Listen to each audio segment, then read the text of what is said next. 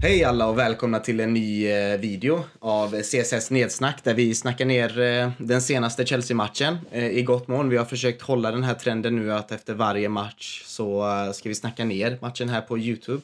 Vi gör ju även det på, i våran podd som heter CSS-podden. Vi kommer givetvis länka ner till podden om ni inte redan lyssnar på den. Eh, men vi har hållit eh, bra i den här trenden och det är ju kul att vi, nu får vi tillbaka Kristoffer här. Han var ju med senast mot, eh, det var Everton-matchen som du var med senast va Kristoffer? Jajamän, och då vart ju Timo Werner klar ut också samtidigt som vi spelade in den. Så vi får se om det händer något idag då när vi spelar in. Ja precis, det kanske blir någon bomb här ja. Så blir det en livesändning på det med. Vi fick väl en Here We Go på Emerson precis innan.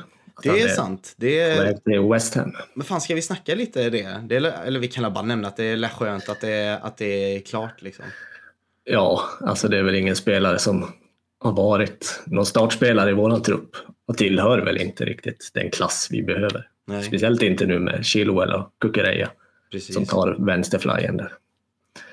Mm. Så det är mina tankar. Har du några speciella tankar om Nej, han, han hade bra, jag tycker han var på bra um på sitt lån förra året och jag tyckte att han jag minns när Tuchel ville ha tillbaka honom redan till vinterfönstret där eftersom vi, vi fick ju skadan på Chilwell. Mm. Ehm, och då, då kändes det som att shit vad jag saknar att ha Emerson i laget. Eller vi saknar väl att ha en vänsterback överlag. Ehm, så det kanske var att mina blickar riktades mot honom extra mycket då. Men han, han har ju aldrig varit dålig tycker jag. Men det är bara att han inte håller den nivån som man kanske ska förvänta sig av en ytterback i Chelsea. Nej, det kan jag hålla med dig om. Han var väl helt okej okay under Sarri där också en period, men sen ja, kändes som han aldrig riktigt kom igång på den nivån han behöver i vårt lag. Så det är väl bara bra att det blir klart. Ja, jag minns hans kemi han hade med Hazard var ju rätt fin. Den, den ja, mm. Hazard som var alltid var arg på Alonso. Ja, exakt. Precis ja. Han, Ruben och eh, Emerson hade ju riktigt, de hade en bra kemi de tre där ett tag. Ja, ja. Ja, synd att det inte blir något mer av det. Men men. Men men. Ja, nej men eh, ni ser att vi försöker undvika elefanten i rummet här, vilket är Leeds-matchen som spelades eh, igår var det va? Ja, igår söndag eh, klockan tre spelades matchen på Ellen Road och eh, vi, vi har ju försökt att spela in eh, de här nedsnacken precis efter slutsignal för att ni ska få de här färska liksom reaktionerna ifrån oss. Men eh, det hade inte gått och det hade ju låtit väldigt eh, annorlunda än vad det hade gjort idag. Idag tror jag vi har samlat oss lite efter igår, eller hur har du det Kristoffer? Jo, men det, man smälter det efter ett tag. Man var tvungen att ta en promenad igår efter matchen och sen då lägger det sig lite i alla fall. Sen har man blivit lite äldre, vad fan värre för tio år sedan med en förlust. Då satt det i nästan en vecka kändes det som. Jag vet inte hur det är för dig där när man förlorar.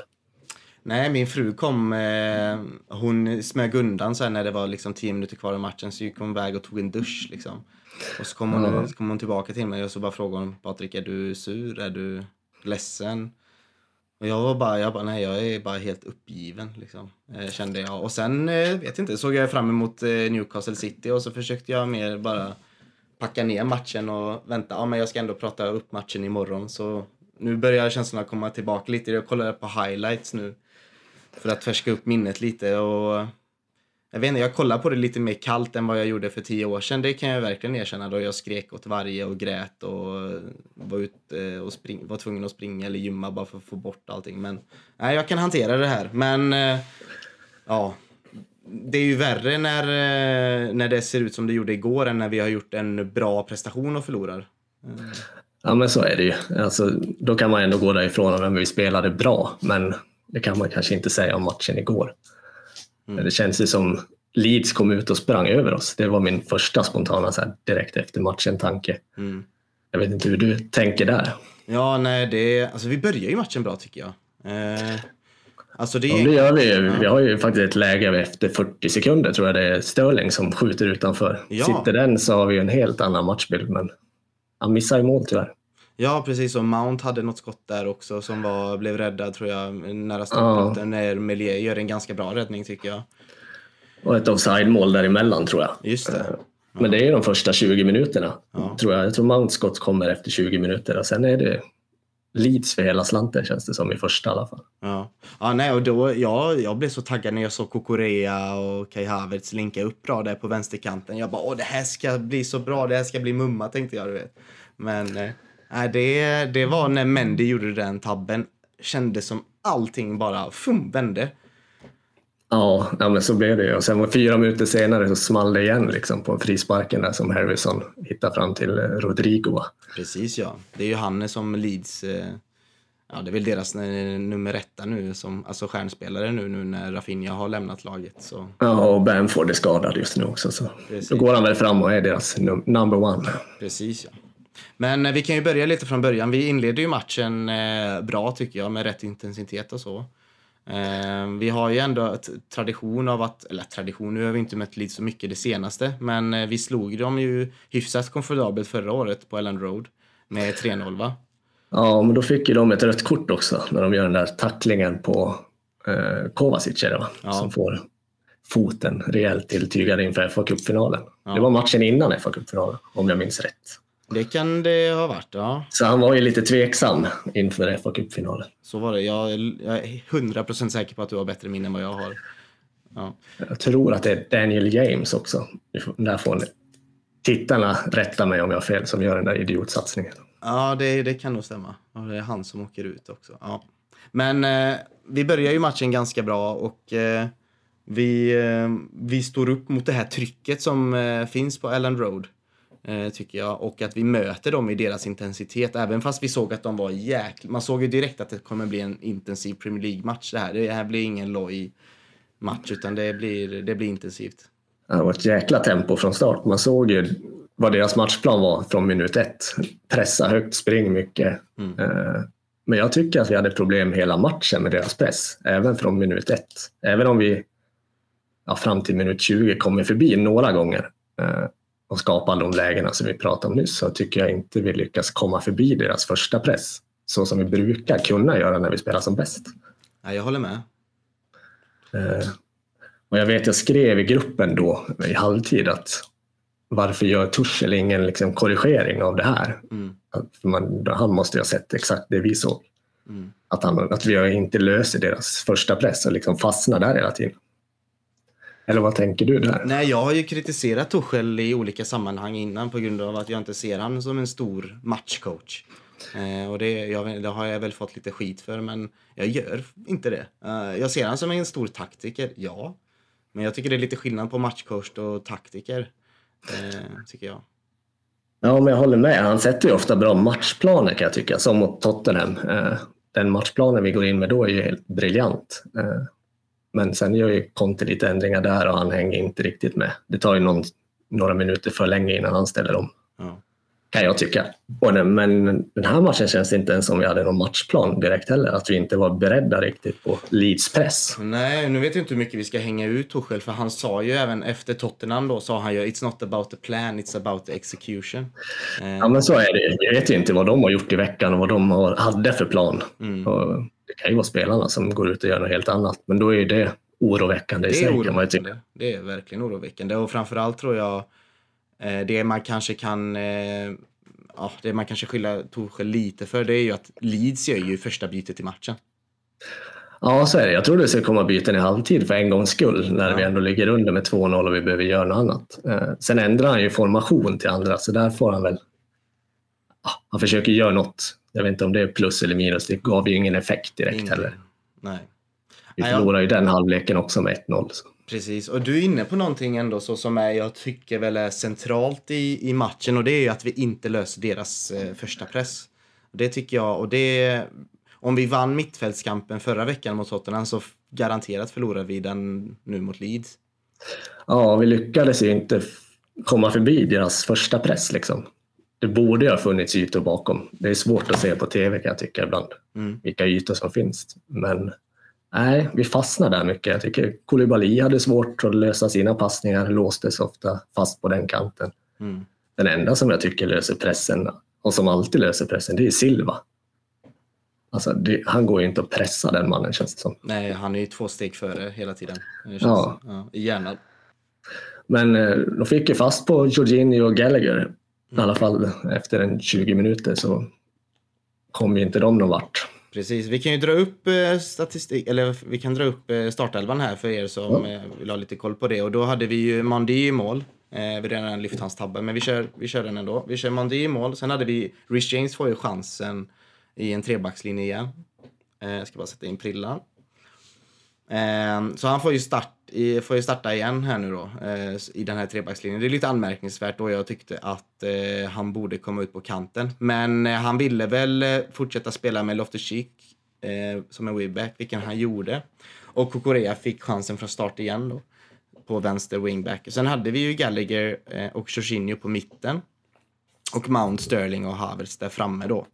Um, där Mount försöker droppa ner i mittfältet, men jag tycker han kommer helt in fel i denna matchen. Ja, jag håller med. Han var väldigt osynlig. Ja. Uh, och kommer inte alls med i spelet som han gjorde mot Tottenham när han ändå hittade ytor att droppa ner i. Mm.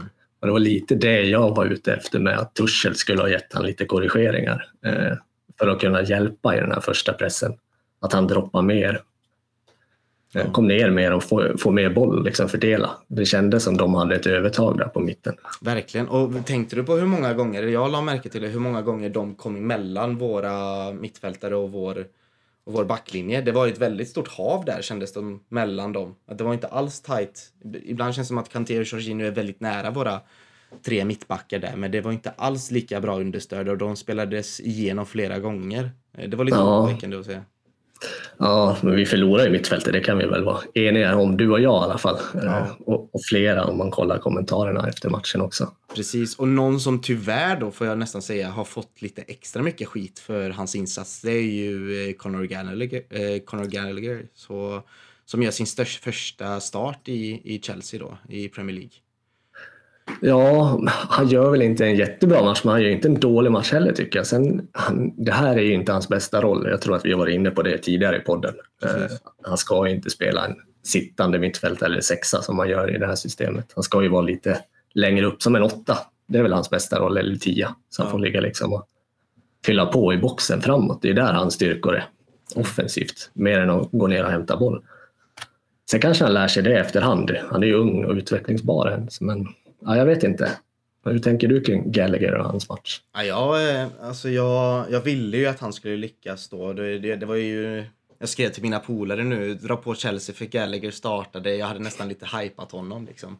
Eh, mina vänner som inte, ingen av dem håller på Chelsea då i alla fall, och mina, min närmaste krets, utan de är och håller på olika, alla andra Premier League-klubbar.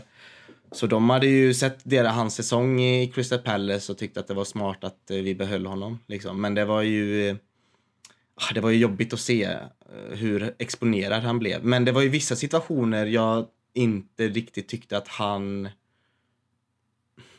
visade upp den kvaliteten som behövs för att kunna lösa en viss press. Han, det var ju väldigt många, han slängde iväg en panikboll eh, eller en panikpass när han blev lite för pressad. Istället för att ta det lugnt och kanske dra en extra dragning som Kovacic hade gjort till exempel.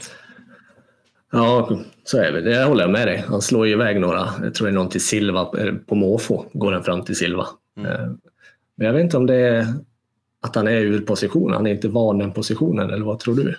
Nej, och det, det är också något återkommande. Vi har snackat i både nedsnacken och i podden och sånt där. Att eh, om det är något formations... Eh, om vi har ett formationsproblem i Chelsea eller inte just nu. Eh, för att det är många, många spelare som kanske hamnar i fel roller. Vi kommer ju prata om Kai Havertz. Eh, detta nedsnacket har jag. Och eh, vi, kommer ju, vi lyfter ju även Mount där och det, det är ju väldigt många spelare som hamnar utanför sin bekvämlighetszon. Nu har ju Ruben Loftus-Cheek spelat som höger wingback. Jag tycker inte man kan klandra honom denna matchen. Eh, riktigt, liksom heller. Nej, men Ruben är väl en bra truppspelare i min värld i alla fall. Och han gör väl så gott han kan. Ja. Jag tycker att det är jättedumt att inte spela gäng som höger wing. Vi har ja. världens bästa wingback och så spelar vi han som höger mittback. Ja. Visst, han gjorde det jättebra mot Tottenham. Men jag tänker så här, lag som vi ska vinna mot eller föra matcher som vi på pappret ska göra mot Leeds, då ska ju han högre upp i banan. Ja, speciellt när eh, Leeds ändå spelar riskfylld fotboll så tycker jag att det är ju jättebra om han är på hugget där nära offside-linjen på offensiv, planhåll, på offensiv planhalva och, eh, liksom, och ta emot instickare. Det är ju perfekt. Eh, så nej, jag blev, jätte, jag blev lite chockad. Jag vet inte om eh, Aspilicueta inte är 100% eller han kom ju ändå in i slutet av matchen, Aspi. Så jag, ja, jag vet inte. Det är svårt att förstå där. Men det ska ju sägas där med formationen då, bara för att avsluta den tanken, så känner jag att det är en... Vi kommer säkert komma tillbaka till det, för det jag såg att det fanns lite frågor av det och, från våra tittare och våra lyssnare. Men eh, det, det var ju ändå den här uppställningen då, eller den här formationen som slog Real Madrid. Som eh, har gett oss mycket framgång innan. Så jag, jag håller mig till det Tuchel sa, it's not about the plan, it's about the execution. Och det är oroväckande att det skiftar så mycket i våra prestationer. Ja, vad tror du det beror på då? För det är ju inte första gången. Ja, hade jag vetat det hade jag väl skrivit till Tuchel. Men eh, det är svårt att veta när man inte är på insidan. Vi får ju, Chelsea har ju en bra YouTube-kanal då, som ni borde gå in och följa och kolla på. Där man får se deras träningar och um, lite behind the scenes och sånt. Så man får ju ofta känslan där att det är bra stämning och att, de är väldigt, att det är väldigt competitive, om man säger så. Vad heter det på svenska? Att det är väldigt eh, hög standard. Ja, tävlingsinriktat. Precis. Så jag vet inte riktigt vad det kan bero på. Var det att man kanske underskattade Leeds eh, lite? Jag vet inte. Ja, möjligt, men det, det, känns som det ska man inte göra. Nej, de borde ju pumpas upp inför en sån här match också. Ja, borta på Vad tror du det här beror på? Det här att, det, att vi skiftar och ger. Alltså, förlorar mot Arsenal 4-0 i försäsong. Halvtaskig insats mot Everton. Skitbra insats mot Tottenham. Jävligt dålig insats igår. Varför är det så? Det är som du säger, hade man haft svar på det så hade man nog inte suttit här och pratat Chelsea. Då hade man säkert varit på träningsplanen med dem kanske. Ja. Men eh, jag vet, alltså en tanke jag fått, jag hörde även på London is Blue tror jag det var idag när jag satt i bilen. Mm. Och de pratar lite om eh, att Tuchel ofta anpassa sin fotboll efter motståndarna och att vi inte har det trygga grundspelet. Liksom. Att vi gör för mycket anpassningar, vad de in och touchar på. Och vad skulle det leda till menar du? Att vi inte har lika bra grundspel liksom, som City eller Liverpool. De har ju en grund att stå på, mycket tryggare, mycket stabilare. Alla vet vad de ska göra. De anpassar sig liksom inte på samma sätt. Mm. Utan de låter ju motståndarna anpassa sig till sig, sitt spel. Okay. Och jag vet inte. Alltså, det väckte någon sån tanke, sen har jag inget svar i det. Liksom, om det stämmer eller inte. Men han är ju otroligt bra kupptränare och då är det ju att man anpassar mycket och spelar målsnålt. Mm. Och vinner med 1-2-0 och sen går man vidare i cupen. Eller något sånt där. Men i, ska du vinna ligan över 38 omgångar så håller kanske inte det. Nej, de här eh, Eurotalk då, de på Dobb-TV eh, som jag rekommenderar att lyssna på. De, de har ju myntat ett begrepp eh, som de kallar att någonting är tränardrivet eller ägardrivet eller eh, sportchefsdrivet brukar de ju nämna. Eh, sådär. Och jag har tänkt på det begreppet och försöka liksom hitta vad Chelsea är. Vad är det drivet utav? Eh, det har ju länge varit eh, Abramovic och eh, ja, vinstdrivet då, att man ska vinna fotbollsmatcher har det ju varit ett, tag. Och på hur det ska göras kvittar det egentligen, verkar det som. Men nu är det ju ny, en ny filosofi som ska bankas in här. Ja, och vad är det för filosofi? Det vet vi Just nu är det ju Tuchel som driver allt sportsligt känns det som. Precis. Och vi går hans väg. Och sen Bowley fixar alla deals på sidan om. Ja, och vi går hans väg. Och det leder ju egentligen till att man tänker, vad är Tuchels sätt att spela fotboll? Har han kanske inte fått tillräckligt med tid för att visa upp det? Um, Arteta hyllas nu helt plötsligt efter att ha varit superifrågasatt i början ja. av hans Arsenal-karriär. Och... Ja, för ett år sedan skulle han väl ha sparken. Ja, men precis. Pratades om. De förlorade väl mot Brentford i första matchen och gick knackigt. Ja, så det är ett år sedan. Typ. ja, de hade tre förluster i rad där i början av, av ligan. Liksom. Ja, då skulle han avgå. Ja, men precis. Och då, då, så nu är det kanske lätt att se vad Arteta och Arsenal vill göra med sitt Arsenal. Eh, då, med sitt lag då, med sitt truppbygge framför allt. Eh, jag mm. vet inte riktigt om vi kan eh, ge det än till Tuchel. Vi kan inte riktigt kanske ge den identiteten än på honom. Eller vad tror du? Nej, vi får nog vänta och se lite tror jag. Och vi får se vad som händer efter augusti stänger och transferfönstret. Och se vilka som lämnar och kommer. Det är inte klart heller. Truppen är ju inte klar. Jag tror att det finns mycket oro i truppen. Eller vad tror du där? Vilka som ska stanna kvar, vilka som mm. kommer räknas som truppspelare eller vilka kommer lånas ut och så vidare. Ja, det är det som, ja precis, och det ryktas ju väldigt starkt, vi pratade om det i senaste poddavsnittet, så eh, att både Pulisic och Ziyech eh, ryktas ut och nu verkar det som att Ziyech, han är ju i Amsterdam idag hörde jag då. för att träffa representanter eh, från Ajax för att komma tillbaka till sin klubb. Men att både Pulisic och Hakim Ziyech får komma in som avbitare gör mig oroad. Ja, den värsta tycker jag är Ziyech, för det ryktas ju om att han efter matchen tar ett flyg till Amsterdam. Ja. Och då känns det så här, varför byter man in han? Han är ändå på väg bort. Precis. Då kunde Odoi ha fått en chans, även om han också är på väg bort. Men... Ja, eller spela, gå in, in med Chukwuemeka, han, är, han satt ja. på bänken. Ja, han är ju något för framtiden i alla fall. Ja. Ja, nej, de, det bytet Ziyech reagerar på. Pulisic tror jag kanske blir kvar. Alltså det, ja. skulle, det var, finns, finns mycket att säga om Pulisic där och hans pappas agerande. Du har väl hört det? Va? Ja, jo. Mm. Precis. Men eh, nej, vi, eh, jag, jag är superchockad över att man byter in Ziyech faktiskt. Och det, det går ju på minuskontot på Tuchel. För det är ju han som har... Ja, det är ju han som är högsta hönset där. Det är han som ska avgöra vem som ska bytas in och inte. Ja, men där kan jag bara instämma. Alltså det är ett minus. Mm. Så jag tycker även fast vi älskar eh, Tuchel och vi står bakom honom så har vi ju, man har ju rätt att kritisera honom. Har man ju. Så ska det ja, ni hyllade han ju förra veckan. Då får vi kritisera lite den här veckan tänker jag. Ja. Men har du någonting annat som stack ut där i, eh, alltså, alltså gör Sterling sitt mål där ehm, så är ju han, eh, inte matchhjälte, men potentiell matchhjälte. Liksom, det, är ju, det är ju så små marginaler i fotboll. Ja, det är det ju. Eh, sen vet jag inte. Hade resten av de 80 minuterna varit som de var ändå så tror jag vi hade förlorat, även om vi hade gjort tidigt mål. Mm. Alltså det, jag tror Leeds hade fått in en till slut ändå. Oavsett om Mendy inte gör sin tabbe. Det kändes så. Mm. Det var min känsla i alla fall direkt efter matchen. Ja. Eh, en annan spelare som eh, vi ehm, har pratat mycket om i olika sammanhang här på CSS, det är ju Kai Havertz och Fredrik Temmer som skulle ha varit med idag, som tyvärr fick eh, lämna återbud. Han, han sa ju sist i vår att jag tror, du var inte med då tror jag, det var förra, förra nedsnacket där han sa att Havertz spelar som bäst när han är lite arg, sa han. Eh, hur kan man inte bli arg när man blir så mobbad som han blev utav den backlinjen? Ja, jag vet inte. Alltså Havers, det finns så mycket talang i den pojken, men han får ju liksom inte ut det. Inte i flera matcher i alla fall. Eh, det var ju länge sedan han var bra, tycker jag. Mm. Och jag vet inte. Vi har, vi har ju pratat om att han inte spelar i sin rätta position och så vidare. Mm. Men jag undrar, vad tror du? Om Pep hade haft han som falsk nia, ja. hur hade han lyckats då, tror du? Ja, det är Ballon d'Or alltså.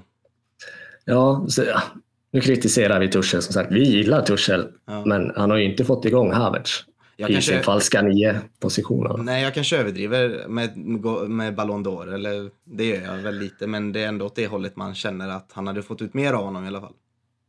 Ja, ja. Alltså det är svårt att säga också, men jag tror också det. Ja. Mer, mer än nu, han gör ju ingenting. Jag kollar hur många skott han hade gjort på tre matcher, fem skott. Två på mål. Ja. Och det är också en annan sån grej eh, som även mot Everton då, där vi var jätteglada och lyriska. Det var väl liksom det är ju lätt att tagga igång efter en, till en derbymatch liksom mot Tottenham på Stamford Bridge. När det är första premiärmatchen. Det är nog lätt att tagga igång laget då. Man behöver nog inte liksom, speciellt mycket från tränarens håll för att man ska göra en bra match. Men vad, just Havertz var ju mm, helt annan fotbollsspelare förra veckan än han var denna veckan. Och att det kan skifta så mycket, det är humörspelare? Frågetecken. Ja, kanske. Sen är det inte bara han som gör en dålig match jämfört med förra veckan. Det är många som inte kommer upp i samma nivå. Mm. Det är väl i stort sett allihop. Ja, Mount var vi inne på.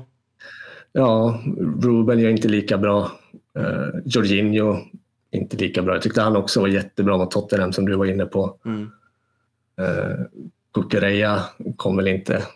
Jag tyckte han var ändå okej okay den här matchen. Han startar ju bra, sen kommer han ur matchen lite, men det gör hela laget. Så. Ja. Ja, det blir, ja, men det, det är någon inställningsgrej. Det var intressant med Torshälls kommentarer efter matchen. När han, eh, vad var han klagade på? Han klagade på bussresa eller någonting. Ja, att det, men det var ju ledarna som inte fick flyga va? De fick åka buss. Herregud. Spelarna fick ju flyga i alla fall och jag tror att det här, de åkte dit på lördagen till och med. Så de åkte dit en dag innan så jag tycker inte det ska påverka. Det är så, och de har ju haft, eh, han, han har ju blivit eh, i någon presskonferens med, senaste presskonferensen, han har ju sagt att och det är så skönt att vi har en vecka att eh, träna inför nästa match för då kan man ha lite mer detaljerade genomgångar. Träna, men det såg vi inte röken utav. Det är kanske är bra att Chelsea kanske behöver en match i var tredje dag för att de ska komma upp i, i matchform. Jag vet inte. Ja, ja, det här hjälpte i alla fall inte med en veckas träning och taktikgenomgångar eller vad de nu har gjort. Nej.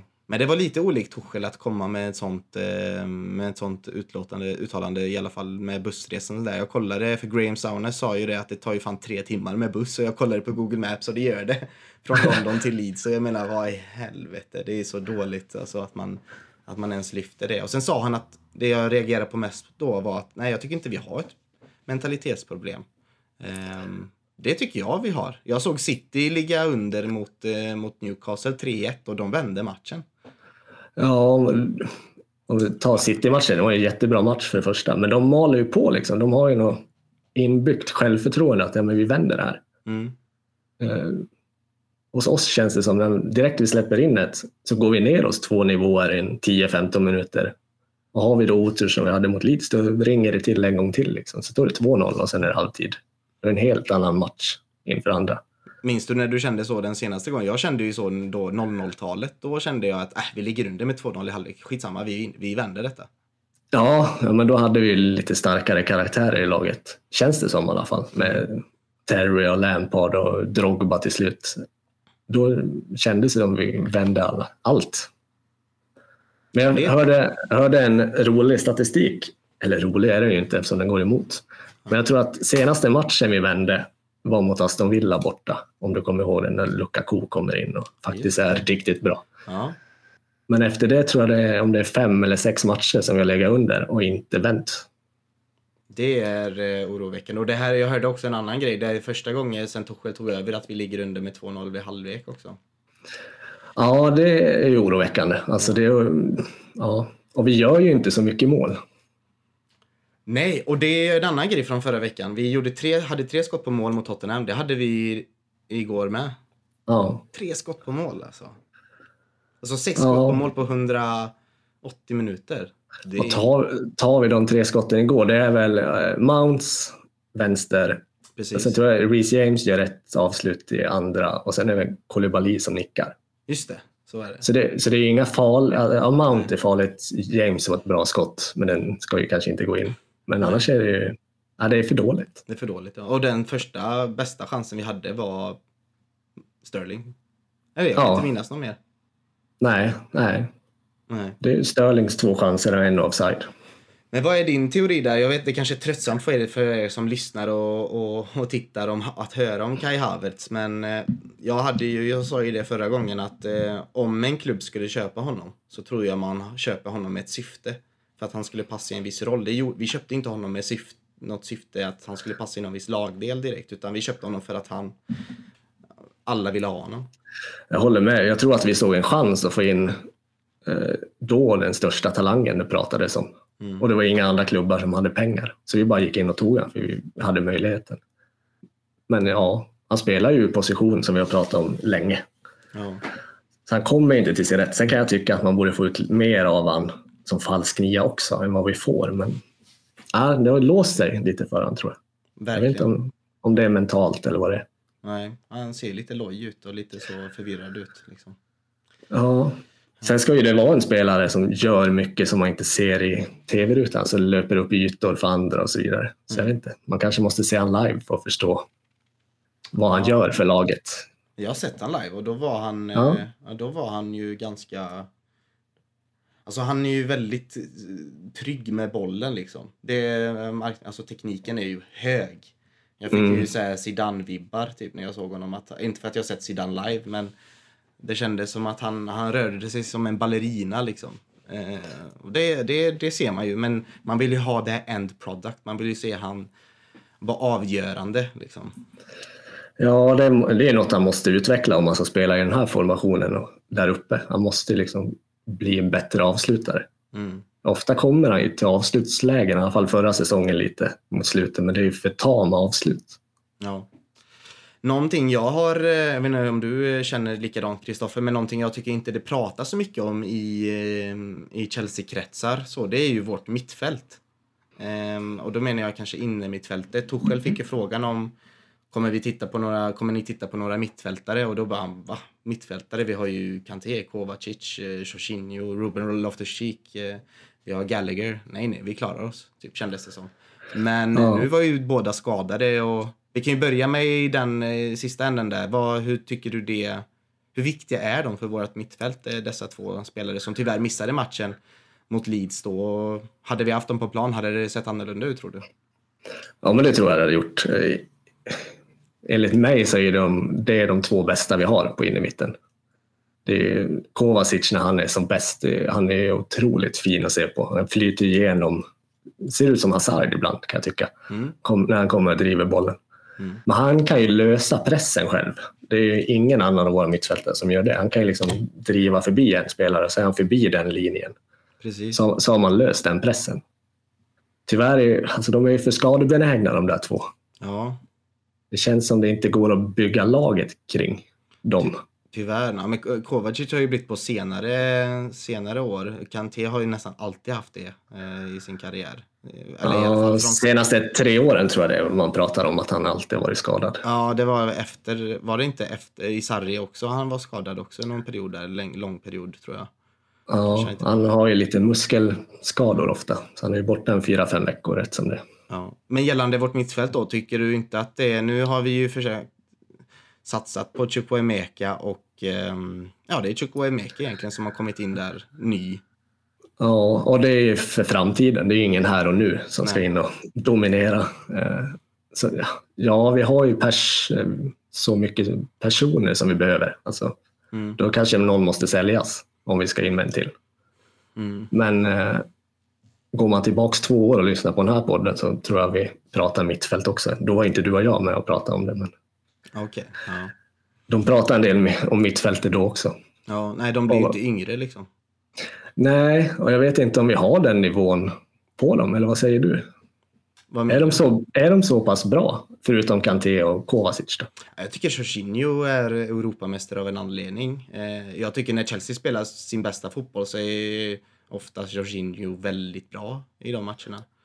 Ehm, dock så tycker jag inte det hänger på Jorginho så mycket utan det är Kanté och Kovacic som jag lyfter upp som de kanske två bästa spelarna i hela våran trupp liksom, tillsammans med, med Thiago Silva och Reece James. Ehm, så. Men ehm, ja, nej, jag, jag, jag vet inte riktigt. Jag, jag blir väldigt... jag, jag ser fler. Jag tycker ju Liverpool sitter i liksom samma sits där med sitt, med sitt mittfält. Nu fick de ju in eh, Thiago för några år sedan så det var ju ändå det tycker jag man värvade smart. Liksom. Vi behöver kanske inte någon som är 22 år och ska lösa hela vår framtid. Utan vi kanske behöver någon, ja men någon, eh, nu, nu kan jag inte komma på någon, men Frankie de Jong hade ju varit ett jättebra, en bra lösning där. Han hade ju löst det. Eh, Declan Rice som vi pratat om hela tiden också. Ja, men precis. det kommer inte hända. Men... Nej, inte de, de två är ju liksom, ja, de hade höjt nivån. Mm. Nej, vad, vad, vad tycker du nu? Har du, vad tänker, tänker du på vårt mittfält ofta? Liksom? Ja, nej, jag tycker ändå att den lagdelen är okej. Okay. Jag kan hålla med Tuchel lite där. Ja. Eh, men sen är lite beroende av hur bra Kanté är och hur frisk Kanté är. För när han är som bäst, då driver han ett mittfält själv. Ja. Då kan du sätta nästan vem som helst bredvid. Ja, men, ja, men så är det. Ja, är, Tänk, tänker jag i alla fall. Jag vet nej, inte hur du nej, Jag håller med. Jag tycker han eh, är världens bästa mittfältare tillsammans med Modric. Liksom. Det är eh, i mina ögon de två bästa mittfältarna på jordklotet just nu. Liksom. När de är i form då. Ja, och det är ju synd att han är skadad hälften av tiden Kanté. Ja. Det är Men det som förstör. En annan lagdel som vi mycket pratar om, det är ju, eller ja, en, en, en roll då, det är ju en anfallare. Liksom. Jag tror att om Broja hade varit frisk, jag tror han hade startat denna matchen. Ja, men där kan du vara inne på något. Eh, tyvärr var han ju skadad, mm. så det var ju synd. Men ja, hellre han än eh, Havertz tror jag. Jag ja. tror han hade fått chansen där istället. Ja, nu hoppas jag, för minns du när han pratade i början där att nej, vi, ska, vi har en liksom meritokrati här i det här laget. Så spelar man bra, tränar man bra så, ska man, så får man spela. Mm. Alla är på samma... Det är, jag får inte alls den känslan. Nej, vi får väl se nu då. Efter den här matchen då kan du byta ut en hel del. Sen vet vi inte hur de tränar heller, det är en annan sak. Det är sant. Men du, ska vi gå igenom lite frågor kanske från eh, våra tittare och lyssnare? Ja, men det kan vi göra. Eh, vi kan ju ta Daniel Karlssons fråga. Han är ju, det är ju precis det här vi pratar om. Eh, dags att kanske peta Mount. Förvisso har fronttrean sett blek ut, framförallt han och Havertz. Men vad har hänt med Mount? Extremt svag emellanåt. Jag hade inte petat Mount, jag hade petat Havertz av de tre. Jag vet inte vad du tänker där, Patrik. Vad, kan du utveckla lite varför inte Mount?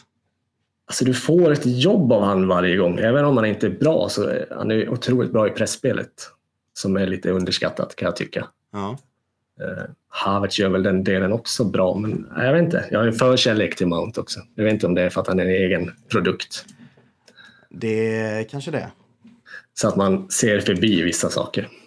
Jag såg en bra, eller jag läste en Twitter-tråd efter matchen eh, av någon eh, sån här självutnämnd taktiker på Twitter. De är rätt roliga att följa.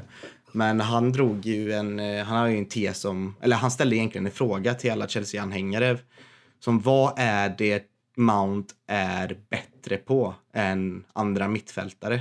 Förutom att pressa.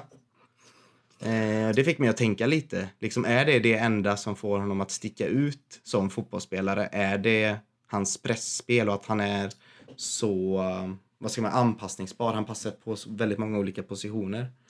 Eh, vad, ser, vad är det, tycker du att det är hans största styrka? Ja, men jag skulle säga pressspelet, eh, han är taktisk, flexibel. Jag tycker att när han är som bäst så är han otroligt teknisk. Alltså, han gör inga stora saker, men han gör dem otroligt smart. Mm. Liksom, han använder kroppen och skär bort motståndaren väldigt på ett fint sätt, liksom, på ett intelligent sätt. Eh, han har ett bra skott, tycker mm. jag också. Så han är ju den som kan ge lite distansavslut i vårt lag. Men det är det jag skulle säga. Har du någon Nej, men jag, jag, håller med om allt. Det är liksom, jag tror inte ens jag behöver lägga till någonting utan det är väl det han, det han skulle kunna förbättra det är ju att eh, kanske bli lite mer självisk i vissa lägen och ta kanske ännu mer fler avslut och var, ta kommando utav när det ser dåligt ut. Att det är han som ska, lite som Rodiger gjorde ibland när han drev upp bollen 30-40 meter bara för att eh, typ få, få lite energi i laget. Liksom.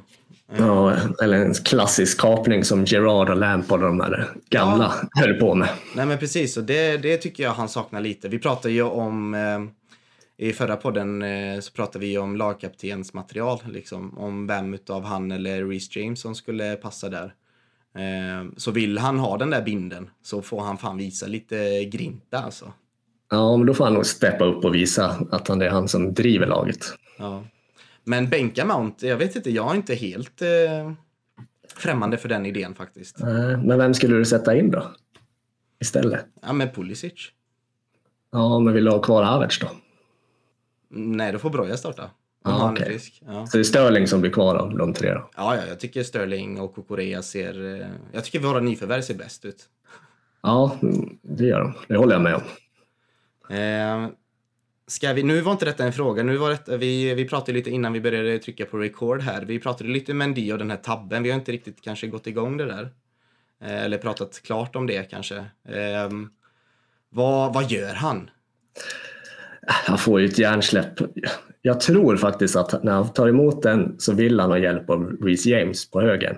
Han ser att han inte kommer och då slår det slint i huvudet. Och så blir det något idiotiskt bara. Mm. Vad, vad, hur skulle du vilja ratea Mondi som, som målvakt ute i, i fotbollsvärlden? Oh, ja, den är tuff. Uh, han, är, han är nog inte topp fem. Topp tio ska jag säga. Mm. I Europa. Vi hade nog sagt topp fem för ett år sedan. Ja, det, det, tror jag också. Men det har kommit lite mycket misstag på slutet kan jag tycka. Ja. Från afrikanska framåt så har han ju inte varit på topp. Nej, precis. Men han gör ju bra saker. Alltså, två matcher sen mot Everton gör han ju två fantastiska räddningar. Så det, mm. Ja, det, ja nej, det, är, det är nog mer det här att, eh, att spela bollen på fötterna kanske inte är... Jag känner mig inte trygg när han får bollen på fötterna. Det har jag aldrig gjort. Nej, där gör han väl lite mer misstag kanske än andra. Det är känslan i alla fall. Eh, jag har faktiskt kollat upp det lite tidigare och hans passningsprocent är ju i nivå med Ederson, Allison. Mm. Så det säger ju emot att han är dålig på fötterna. Ja, det är intressant. Ja, men vad är din, är din känsla att han är sämre än typ Allison, Ederson, Ramsdale och de här på fötterna? Eh, på fötterna så tycker jag det absolut. Eh, sen som målvakt så har jag ju, jag har ju faktiskt hellre Mandy i mål än Allison faktiskt. Eh, sen Ederson är ju mer än målvakt, han är ju mer den här Neuer, Neuer-målvakten, liksom Libro, som jag, som har verkligen eh, spelar med hög risk liksom. Eh, Ja, så. Men jag tycker det är så, jag, jag har aldrig fattat det här, du vet den här trenden med att spela bak och försöka lösa. Jag fattar att man vill lösa, knuta första pressen tid, eh, tidigt i, i, en fotbollsmatch. För då blir, då blir ytan väldigt stor eh, bakom, ja, bakom anfallarna. Liksom. Du vill ju dra ut deras lag, det är liksom själva idén. Ja. Men då ska man kunna lösa första pressen ja. också. Ja, och då ska man ju ha, då ska man, jag tror de blev, jag tror det var Aaron som kom i en liknande situation knappt eh, en kvart eller 17 minuter in i matchen. Där man såg att Aronson bara löpte rakt mot Mandy och Mandy fick lite halvpanik men de ändå löste pressen. Men där mm. borde man nästan fått en liten varning om att okej, okay, shit, Leeds är uppe och pressar mål, målvakten. Eh, 100% här. Så därför blir jag lite, är man inte lite smartare att veta att okej, okay, nu kanske han kommer igen. Nu måste jag ju tjonga iväg bollen. Att man inte är lite mer street smart i det läget. Liksom. Det, det mm. förvånar mig lite hos Mandi kanske. Ja, man borde väl ha lärt sig, men ja, jag får ett hjärnsläpp. Det är sånt som händer, tänker jag. Sånt som händer, ja. Men det är ju det som dödar matchen och sen att vi inte försvarar den hörnan. Så whoops, står det 2-0. Ja, frisparken då. Ja, förlåt. Ja, jag förstår vad du menar. Ja. Eh, ja, och där är väl Störling som står och sover så att det blir en frispark. Man ser ju inte riktigt vad han gör i bild, men Nej. det känns som domaren hade koll på det. Han står ju så nära. Så något gör han ju. Ja, det är konstigt. Vi fick inte se en bra reprisbild på det. Jag trodde först att han drog honom, men det gjorde han ju inte. Nej, inte som vi såg i alla fall. Nej. Men ja. ja. Det är James som förlorar den duellen, om vi ska prata om det målet. Så är det. Eh, men vi går vidare på nästa fråga. Har du mm. snappat mm. upp någonting? Oh, ska vi ta då? Det är mycket frågor om formationer här har jag sett. Mm. Eh, om vi ska klumpa ihop det kanske. Ja. Och säga lite vad vi tycker. Eh, kan vi fråga dig, vilken skulle du vilja byta från 3-4-3 till något annat? Ja, det, det blir ju lite repetition för många här, men det är ju, ja, det vill jag ju. Jag vill ju spela en 4-2-3-1 då, men då har vi inte en tydlig...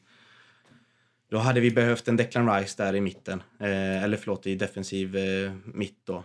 Eh, för just nu kanske inte vi har personalen för att spela 4-2-3-1. Eh, och då ska vi förvänta oss att eh, Broja ska starta varje match, för vi har ingen, vi har ingen Lukaku, ingen Abraham och ingen Giroud heller. Så det, ja, jag vet inte, men vi... Eh, ja, om Fofana kommer in då, vilken mittback går ut? Nej, men då, då tror jag vi kör, eh, då kommer vi nog hålla kvar vid det här systemet. Och sen tror jag ja. Fofana skulle kunna vara lite som Aspilicueta, så att eh, eh, drifta upp eh, på höger, alltså typ som en inverterad högerback. Liksom skulle han ja, köra höger mittback där då. Ja, precis. Fylla på lite. Ja, lite så som, eh, vem var det som spelade så i eh, igår. Eh, vilken match var det? Var det Barca-matchen kanske? Nej, det var det inte. Nu har jag fastnat här i någonting väldigt... Ja, oh, Ben White spelade ju så eh, i eh, lördags var det va? Ja, okej. Okay. Jag såg tyvärr inte den matchen. Nej, nej men den, den positionen har han ju tagit där han spelar högerback. Liksom. Fast det blir liksom ja. en inverterande playmaker liksom, på ja, tidigt mittfält. Liksom. Så det tror jag Fofana hade gjort ett bra jobb. Mm. Men om vi får in han, då tror du inte vi byter formation? Tror du vi gör det annars? Nej, vad tror du? Jag, jag tror att vi kommer att köra 3-4-3 i år i alla fall. Ja. Eh, jag tror att det är nästan, alltså då hade vi kört den på försäsongen mer om vi skulle ha tänkt oss att vi byter. Mm. Det känns lite sent att bara komma in mitt i säsongen. Nu är vi väldigt tidigt i säsongen. Mm. Ehm, men snart är det ju match varannan, var tredje dag. Då är det svårt att nöta in något nytt taktiskt som ska sitta direkt. Vi såg ju eh, mot Tottenham att vi gick upp till en 4-2-2-2 eh, i anfall. Ja, och det gjorde vi väl i andra halvlek också. Ja, precis ja. Men det, det klaffade inte så jättebra ur. Eh, sen måste vi säga att Leeds gör en jättebra match, om vi nu ska stanna där lite. Ja, vi kan vilja hylla Leeds. De sätter sin matchplan och sin gameplan. Ja, alltså, klockrent ja. från minut ett. Och ja. sen kör de på den liksom. Och det funkar. De var ju lite, jag vet inte varför många underskattar dem. Även i den senaste podden vi som spelade in så hade ju både Temmes och Linus Sjöström, eh, de som på nedflyttningsplats. Och ja, nej, de är bra lag alltså. Eh, och de är det här förlösande faktorn av att spela med en sån intensiv tränare tror jag bara är till deras fördel. Liksom. Om de kan få bukt på sina skador då. Ja, ja, sätter de det här pressspelet i fler matcher då kommer de ju ta poäng mot sämre eller till och med bättre motstånd, ja. tror jag. Men det är ju svårt att analysera matchen för det kan ju vara en sån här Frankenstein-match eh, som vi har en gång i säsongen. Ja, en West Brom. Ja, precis ja. Eller Brentford. Exakt. Men vi har ju några sådana där, det är lite också oroväckande. Ja, det är om vi... Eller vad tänker du kring det? Ja, det händer ju minst en eller två gånger per säsong. Ja. Det har ju, alltså standarden på att vinna Premier League är ju så otroligt hög. Det, man kan ju knappt, alltså vi man skojar lite om att man har redan tagit ut Liverpool ur titelracet bara för att de har eh, två, två kryss. Nu får vi se, de lär ju krossa United ikväll. Men är du med? Det är så hög standard nu för tiden. Jag tror att de här Frankenstein-matcherna var lite mer acceptabla i, i Premier League för, för några år sedan. Liksom. Eh, eller för bara liksom fem, sex år sedan. Ja, jag tror jag såg det också, en statistik som for förbi i flödet. Jag tror en tre, tre eller fyra senaste åren så har de som har vunnit Premier League förlorat tre eller fyra matcher. Ja, det är ju sinnessjukt. Ja, så du har ju inte råd att förlora knappt. Nej, det är ju sinnessjukt alltså. Det är, mm. Vad är det för nivå liksom? Ja. Ja. Så, så, är det. Men så jag, jag drar inte jättestora växlingar utav det utan det, det är bara det nya. Att vi ens reagerar på det är, tycker jag, nytt kanske. Om du förstår. Ja, men så kan det nog vara. Och sen, vi har ju varit stabila i 20 år också. Så Precis, då, ja. Och varit rätt målsnåla. Jag vet inte, under Mourinho-tiden förlorade vi knappt en match med mer än ett mål. Liksom. Mm. Ja, eh, då ska jag se. Men eh, formationen, är det något mer du vill... Eh, hur känner du kring det? Hur vill du spela? Alltså jag föredrar ju 4-3-3, lite pepp fotboll. Mm. Det är min stil, eller mer Liverpool-aktigt, alltså den formationen. Mm. Men jag ser ju inte att vi kan köra den riktigt. Vi har inte den defensiva mittfältaren idag. Nej. Jorginho är lite seg, eh, såg man lite i matchen mot Leeds också. Det går lite för fort bara. Alltså springa hem. Mm. Uh, Kanté, tror jag sagt tidigare när jag varit med, ser inte han i en rent sittande roll. Liksom. Han är lite box till box. Ja, det verkligen. Ja. Så ja, vi behöver få in den spelaren i så fall för att gå över till det jag vill. Mm. Och lite som du var inne på också. Alltså spela 4-3-3 eller 4-2-3-1 i en lek med siffror egentligen. Ja, det är samma skit. Ja, ja och ja. tior har vi inte ont av. Nej, det har vi väl ett överflöd av tror jag. Jaha, och jag menar yttrar, eh, jag menar det, det går att lösa så att säga. Men det är ju den där nian då. Ja, ja vi har ju en som är utlånad. Om man vill tillbaka till en annan sak. ja. Uh, shit vad Inter ser bra ut och uh, det är jobbigt att se Lukaku älska sitt liv på något sätt. Men uh, så är det. Uh, vi går i, alltså formationer har vi pratat om väldigt mycket. Det känns som en återkommande grej. Jag tror inte problemet ligger där så mycket utan det är nog mer hur vi tar oss an matcherna.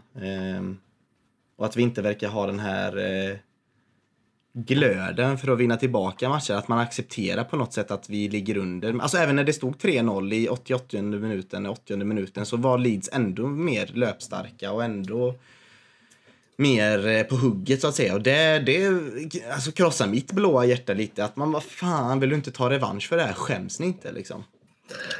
Ja, jag håller med. Alltså, känns som, hade man spelat själv hade vi bara gjort någon idiottackling. Kanske hade inte det varit så smart, men det hade ändå man fått ut lite aggressioner på planen. Ja. Men nu känns det som att folk bara, jaha, ja, det står 3-0. Ja, ja. Ja, ja, men precis. Nu fick ju Koulibaly rött kort, då, sitt andra gula. Det ska vi snacka ner det lite och säga att det var... Man märkte att han var... Det är ju någonting vi varnade för, alltså Chelsea-fans då, att det är det som är hans största problem då, det är disciplinen. Ja, han har väl åkt ut några gånger i Napoli-tiden där. Ja. Uh, och det är, det är väl det är sol, två solklara gula i, i, min värld. Absolut. Jag kan tycka den andra är dumgjord av honom. Han har ett. Det står, står 3-0 då, det, ja det gör det. Ja. Släpp den. Får du spela nästa match. Och första känns jätteoprovocerad. Det var ju inte en sån farlig målchans de hade kommit till, eh, tycker jag. Utan det känns som att det bara slinter i hans huvud och bara, nu ska jag riva ner honom. Liksom. Ja, jag tror det. Det är nog båda tillfällena så är det ja. en sån här reflex på något sätt. Då missar han ju nästa match. Då får vi se vem som tar den positionen om det blir... Eh, ja, det blir kanske Kokoreja då, så får Chilwell starta. Ja, det ska jag tro. Mm. Okej, okay, vad... Eh, ska vi hitta en... Uh, Okej. Okay. Dennis Järnqvist frågar så här. Även om man älskar Conor Gallagher, uh, men är han tillräckligt bra för att spela för oss just, just nu? Och jag... Kanske. Ja, förlåt. Ja, börjar du. Kör du först. Nej, men jag... Nej, alltså... Det är jättetidigt och som sagt, han gör sin första start i Chelsea-tröjan i Premier League. Jag... Vi kan nog ge han lite fler chanser innan vi dömer ut honom helt, men... Eh... Ja, just, just nu ser han ju högst medioker ut tycker jag väl. Sådär. Eh, ingen världsklass mittfältare. Eh, kanske, det är kanske inte det vi heller det är inte de förväntningarna vi har på Conor Gallagher i alla fall. Eller inte jag i alla fall. Jag ser han som en trupp, truppspelare liksom. Ja, en rotationsspelare i min värld liksom. Som ja. går in och gör vissa matcher, täcker upp när det är skador och avstängningar som det var nu. Uh, som sagt, ge han lite mer tid. Det här är en ny position för han också. Ja. Ett nytt lag. Ja men precis, och du var inne på det. Det är inte här han gör sig bäst. Liksom, Nej, vill man få ut max av han ska han ju upp lite högre upp i banan. Ja, så det. Ja, så spelar inte vi just nu. Nej, så det var Conor Gallagher. Uh, ska vi se här. Jonas Frank har ju en där, uh, mm. en fråga. Vad är det, var det någon av er som räknade alla, hem, alla hemåtpassningar ner till Mendy? Jag kände på mig att det här kommer sluta illa och det gjorde det. Hade ni också känslan av att det passades hemåt onödigt mycket? Vad säger du där Patrik?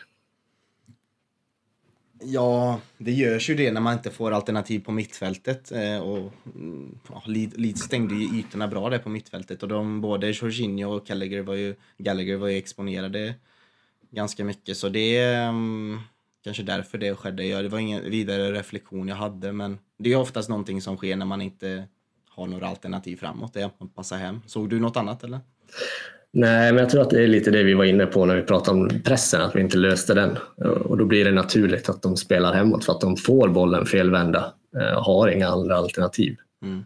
Att vi inte liksom hade en lösning på det. Då blir det mycket spela hem för att hålla i bollen istället för att kanske slå en lång bakom och chansa lite.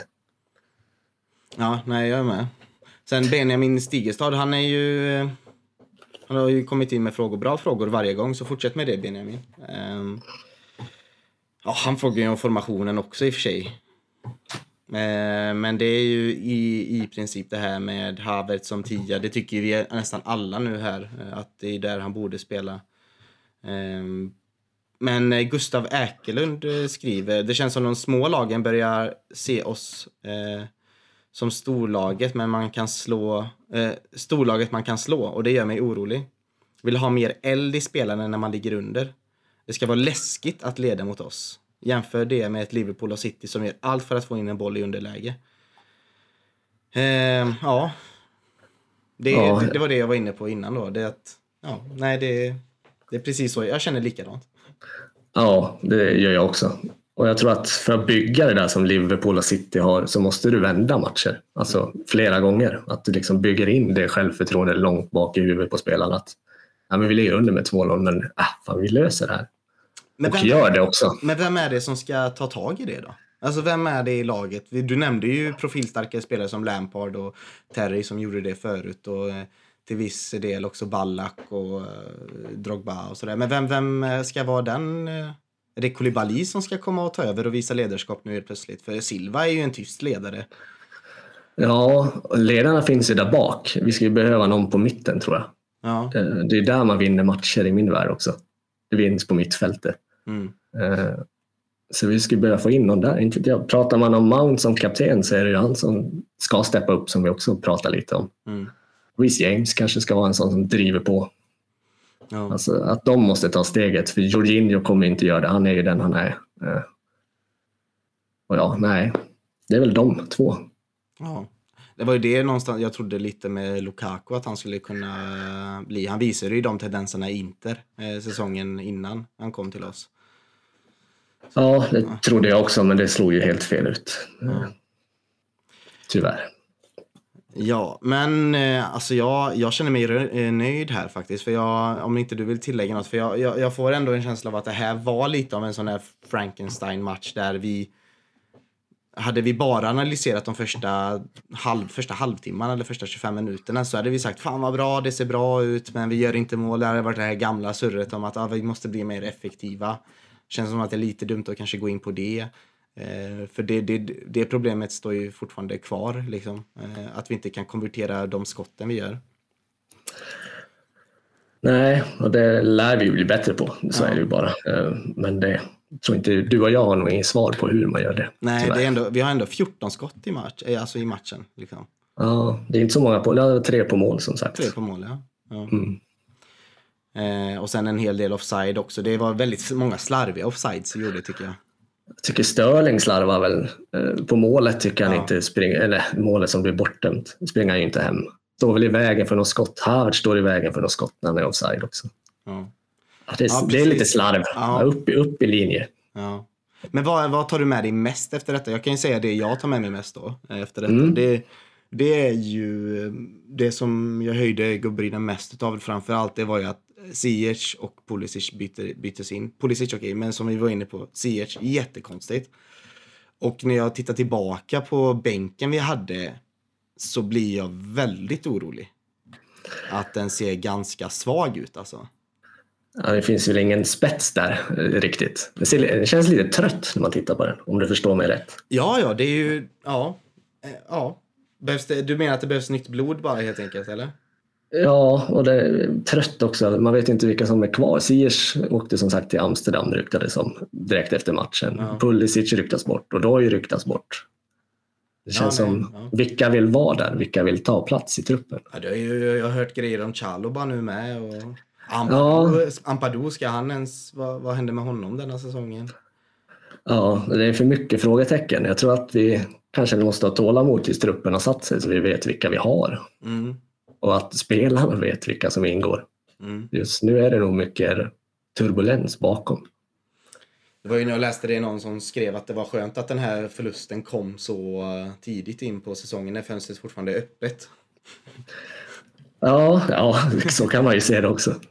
Ja, vad tar du med dig mest eh, av denna? Om jag tar med mig bänken mest, att den ser svag ut och att jag känner lite oro helt plötsligt. Vad, vad tar du med dig mest?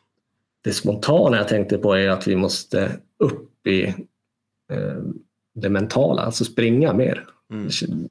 Som sagt, som direkt första jag sa, det, det känns som Leeds kommer in och bara springer över oss och vi springer inte med. Och jag tror att de sprang väl var det 10 kilometer, 11 kilometer mer under hela matchen. Ja. Någonting det... som Tuchel ryckte lite axlarna på. Han bara, det är inte det som gör att de vinner matchen. Nej, och det är väl en del av det skulle jag säga. Ja. Det är inte all, allt såklart. Nej. Men nej, vi lär snäppa upp lite. Tagga till känns det som. Mm. Och hålla nivå. Vi är så otroligt ojämna som vi också varit inne på. Ja. Att det kommer de här West Brom-matcherna och ja, Leeds nu då. Ja, det är helt ja, otroligt hitta en jämn nivå, annars kommer vi aldrig vara uppe och slåss som ligatitel. Nej, det är bara att glömma. När Arsenal ser så bra ut också. Det, nej, det är bara att, att, att, glömma. Vi kom ändå in i den här matchen med goda, god känsla. Ja, det gjorde man ju. Ja, Fantastisk insats. Ja. Och sen Tuchel får en hel vecka på sig att förbereda och sen ser det ut så här. Ja, men det, det är ju det som är väldigt chockande. Att man inte känner...